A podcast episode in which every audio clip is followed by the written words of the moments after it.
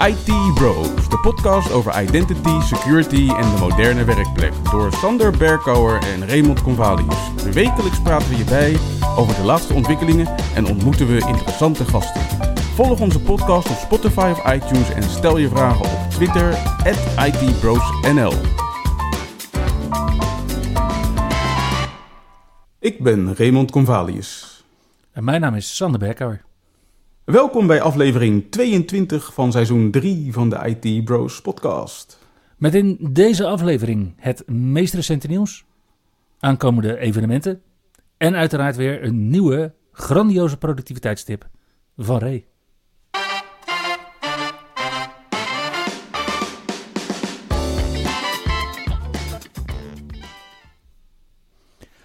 Maar we beginnen met het meest recente nieuws. En dat is, ja, vaste prik. Windows 11, om mee te beginnen. Ja, ja, de Windows Insiders zijn weer actief geweest deze week. En dat was zowel in het Canary Channel als in het Dev Channel. In het Canary Channel kwamen ze op 6 juni met beeld nummer 25381.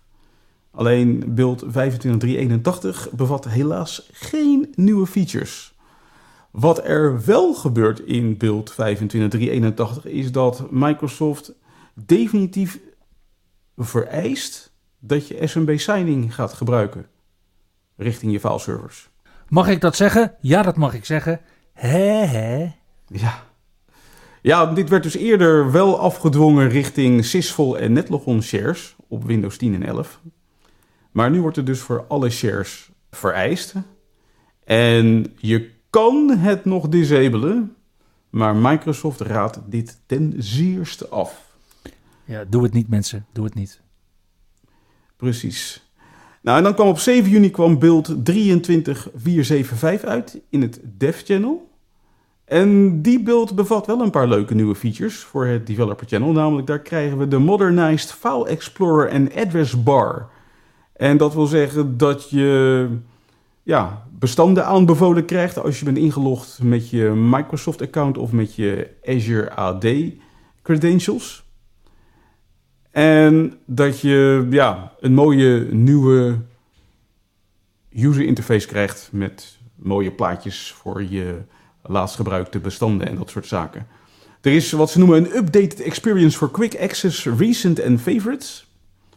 En daarbij is het ook nog zo dat de address bar, dus die balk bovenin waar je je pad invult, dat die intelligent kan herkennen of die te maken heeft met OneDrive folders, dus folders in de cloud, of lokale folders. En dan laat hij ook nog meteen zien of die folders al dan niet in sync zijn op je lokale systeem. Wat er verder nog nieuw is in deze beeld is dat uh, dynamic lighting wordt ondersteund met uh, de zogenaamde Open HID Lamp Array Standard.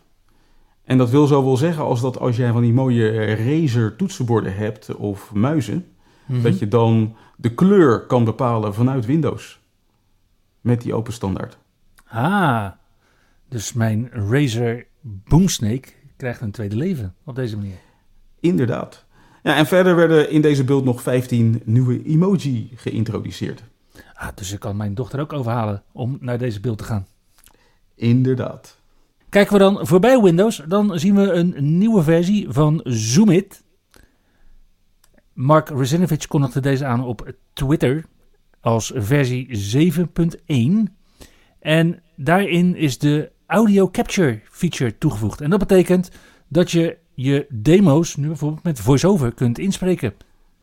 Als je dat zou willen. Ja, tot nu toe had je er allerlei fraaie third-party tools voor nodig. Maar het wordt steeds makkelijker om hele mooie demo's op te nemen. Gewoon bijna out of the box. Yep.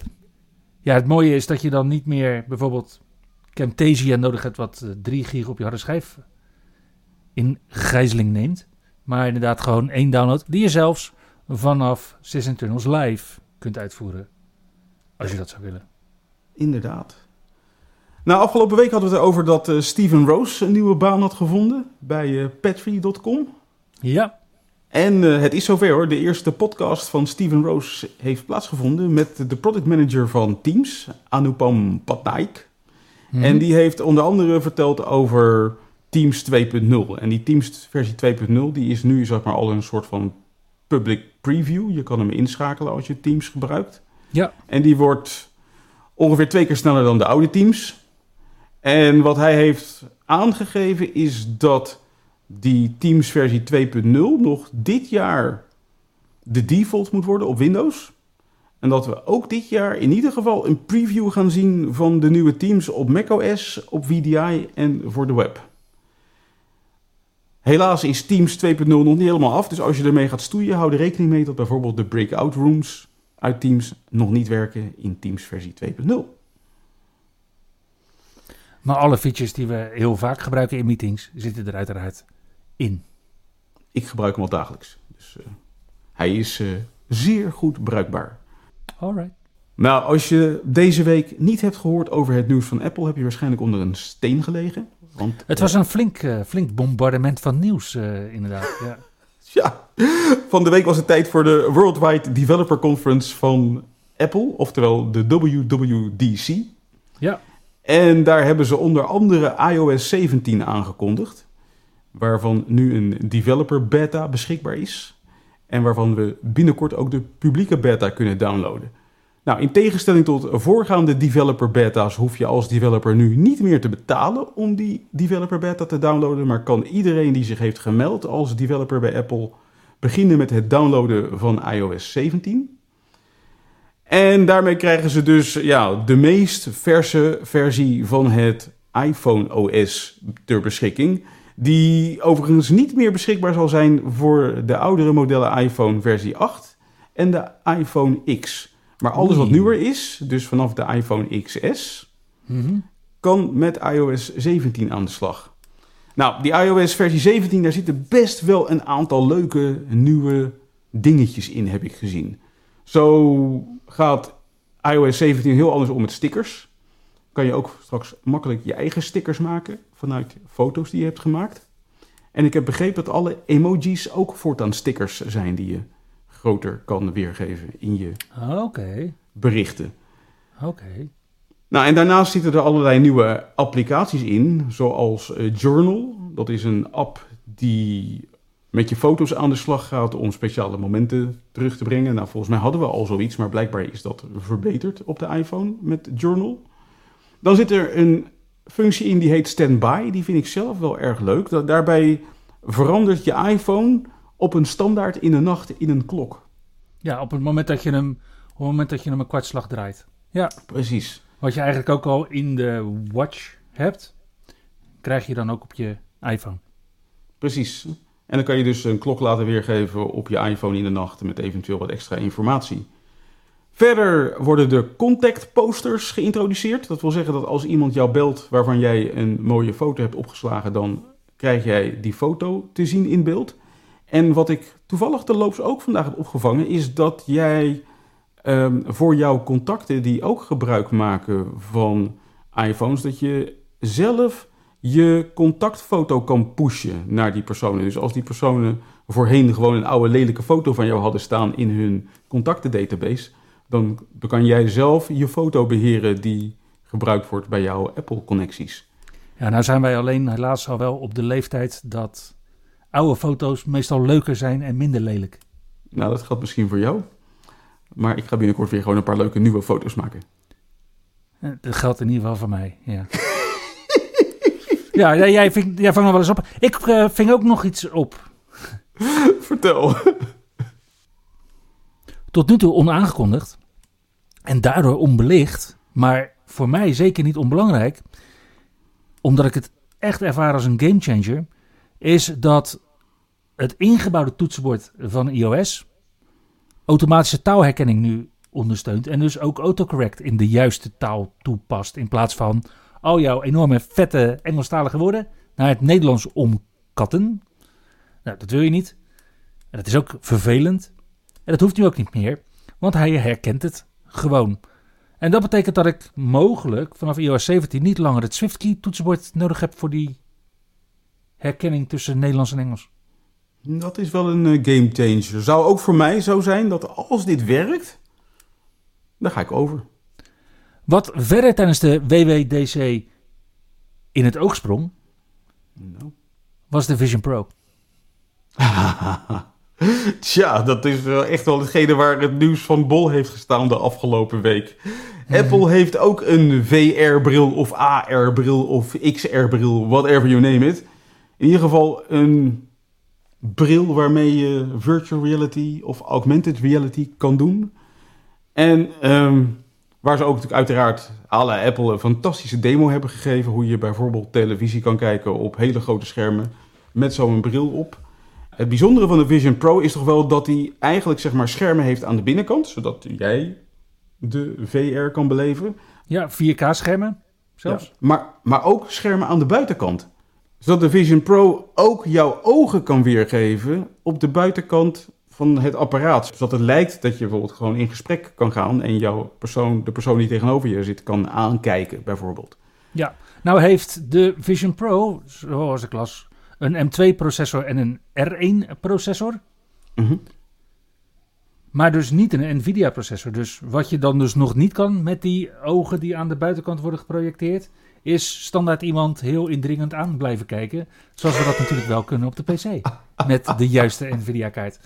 Ja, en ik denk dat als dat gebeurt, dat wordt wel creepy, mensen. dat zou wel een functie zijn, ja, dat je altijd Ja. degene tegenover je aankijkt. Maar die schermen aan de binnenkant en de buitenkant, dat is inderdaad wel het vernieuwende wat Apple hier doet. Dan zijn er Ja. natuurlijk ook inserts voor brildragers. Eh, je heeft een accu voor twee uur gebruik. Een heel nieuw besturingssysteem, Vision OS. Maar hetgeen waar iedereen in Nederland in ieder geval over valt, Mhm. je kan hem al raden, is de prijs. Ja. 3500 dollar. hm? Yep. Nou staat de dollar wel aardig gunstig op dit moment. En dat is ook gelijk de enige manier om er een te bemachtigen. Want er zijn nog geen release data voor de Benelux bekend. Ja, dat is inderdaad even een dingetje. Het is wel leuk, vind ik, dat je nu de afgelopen week allerlei eh, analyses hebt voorbij kunnen zien komen over die Apple Vision Pro. En eigenlijk is niemand het erover eens wat het precies gaat worden. Wordt dit een businessapparaat of een consumentenapparaat? Ja, wordt dit het einde van de laptop? Of wordt en blijft dit een gadget zoals de, de Quest van Meta? Ja, inderdaad. Ondertussen is inmiddels van KeyPass versie 2.5.4 uitgekomen. En dat is eerder dan verwacht. Ja, maar dat is wel nadat er eerder, al een enkele, enkele weken geleden, toch een redelijk serieuze kwetsbaarheid naar boven was gekomen over KeyPass. Waaruit bleek dat het masterpassword was te achterhalen voor het wachtwoordkluisbestand. Ja, het ging over de manier waarop je dat masterpassword invult in KeePass. Dat bleek niet helemaal veilig te zijn. Ook alleen KeePass is kwetsbaar. Alle andere implementaties van dezelfde functionaliteit niet. En de ontwikkelaar had gewoon even wat tijd nodig om deze kwetsbaarheid te adresseren. Dat is overigens kwetsbaarheid E 7E 2023 32784 als je daar meer informatie over zoekt. En ik ben wel heel erg blij dat dat nu een week eerder is dan dat initieel is aangekondigd. En ik hoop ook dat het dan ook een volledige fix is. Dat hoop ik ook. Maar op dat antwoord moeten we nog even wachten. Inderdaad. Nou, als je dan ook nog op zoek bent naar kwetsbaarheden in je Active Directory, dan is er onlangs weer een hele interessante post verschenen op LinkedIn. Namelijk Adnam Alam heeft eh, een serie tips gepubliceerd voor het detecteren van kwetsbaarheden in je Active Directory. Daarbij word je onder andere op weg geholpen met het installeren van een honeypot of homelab voor je Active Directory Mhm. pentesting. Krijg je allerlei tips over hoe je je pentests kan doen. Allerlei attack scenario's. En in de commentaren vind je ook allerlei hele waardevolle tips terug met resources. Zoals cursusmateriaal die je gratis online kan gebruiken om meer te weten te komen over hoe Active Directory nou precies werkt. En weliswaar leven we inmiddels in 2023 en is Active Directory uitgekomen in 2000, min of meer. Ja, februari 2000 mensen. Er zijn nog een hoop bedrijven die dit nog iedere dag gebruiken en waar je beducht erop moet zijn dat je kwetsbaar kan zijn op dit vlak. En laat ik nou zo zeggen, het huidige cursusmateriaal voorziet niet echt meer in uh, up-to-date kennis over Active Directory.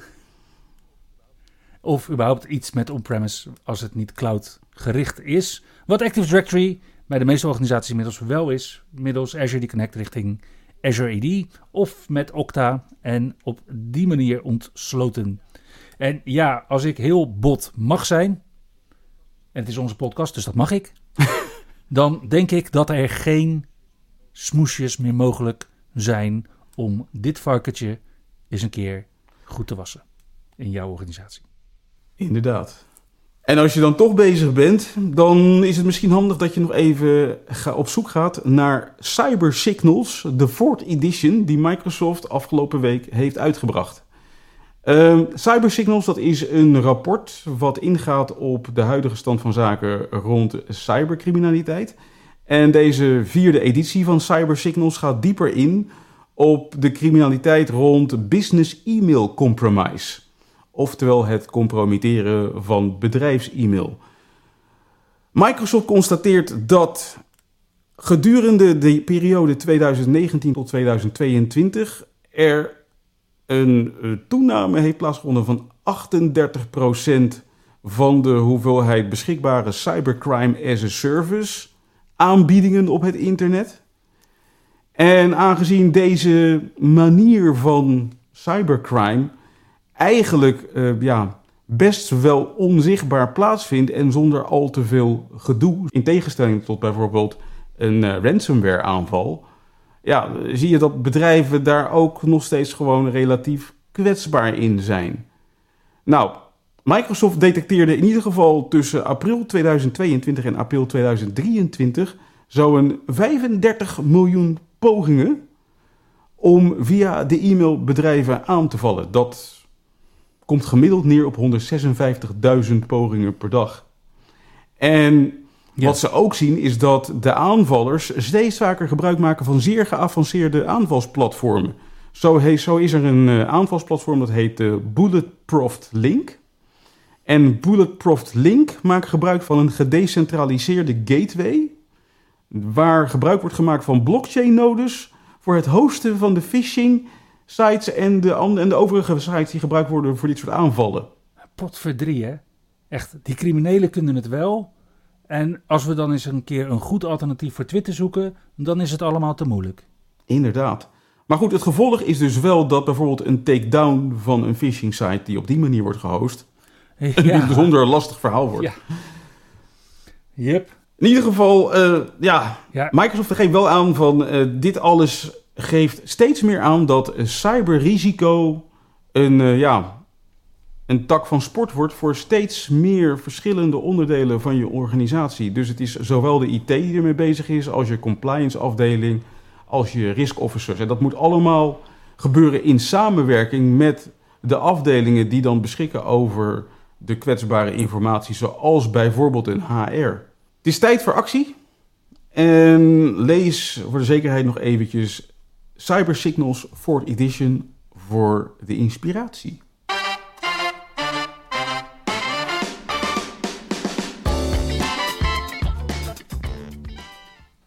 Volgende week zien we drie evenementen. Van dinsdag 13 juni tot en met donderdag 25 juni vindt weer het jaarlijkse, tenminste sinds corona, Zorg- en ICT-evenement plaats in de Jaarboys Utrecht. En hier kun je terecht om meer informatie te vinden over de digitale transformatie naar duurzame en toekomstbestendige zorg richting een gezonde samenleving.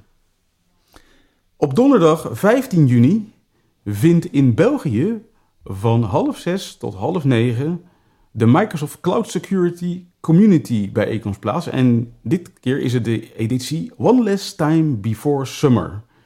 Tijdens dit evenement zijn er een aantal zeer interessante presentaties. Waaronder The Power of Microsoft Defender for Endpoint door Louis Masterlink. En Secure Log Stash Connections to Microsoft Sentinel door Koos Goosens. Dit alles vindt plaats in Mechelen, vlak over de grens. Vanaf half zes. Ja, en die naam Goosens, die kom ik dus ook tegen bij een ander evenement, maar dan op vrijdag 16 juni. En dat is een hele dag. Dat is namelijk de tiende verjaardag van de Workplace Ninjas in Nederland. Hele mooie dag gepland bij servicebioscoop Hollywood in Almkerk. Waar onder andere Ronnie Peterson vertelt over Enterprise Client Management. Tim de Keukelaar en Ken Goossens. Geen familie van. Maar Windows Odepatch van A tot Z. Rudy Ooms die zijn presentatie Battle the Two Intune Enrollments presenteert. Adnan Hendricks die vertelt. Mirko, Ronnie de Jong, Joost Gelijsteen, Peter Daalmans, Kenneth van Surksem, Niels Kok en zelfs Stefan Dingemansen maken vervolgens de line-up compleet.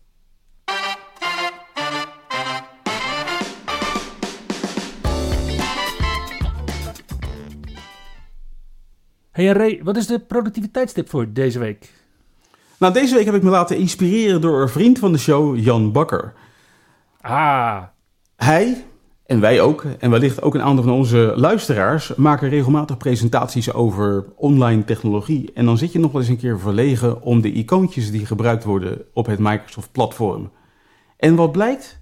Hier is een leuke plugin voor te vinden voor je browser, namelijk de Icon Downloader.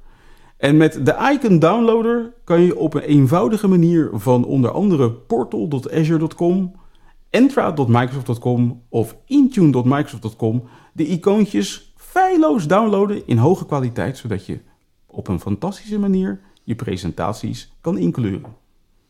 heerlijk. Wat een toptip. Dankjewel Jan. En daarmee komen we aan het einde van aflevering 22 van seizoen 3 van de IT Bros podcast. Dankjewel voor het luisteren en tot de volgende keer. Tot de volgende keer. Je luisterde naar IT Bros, de wekelijkse podcast over identity, security en de moderne werkplek.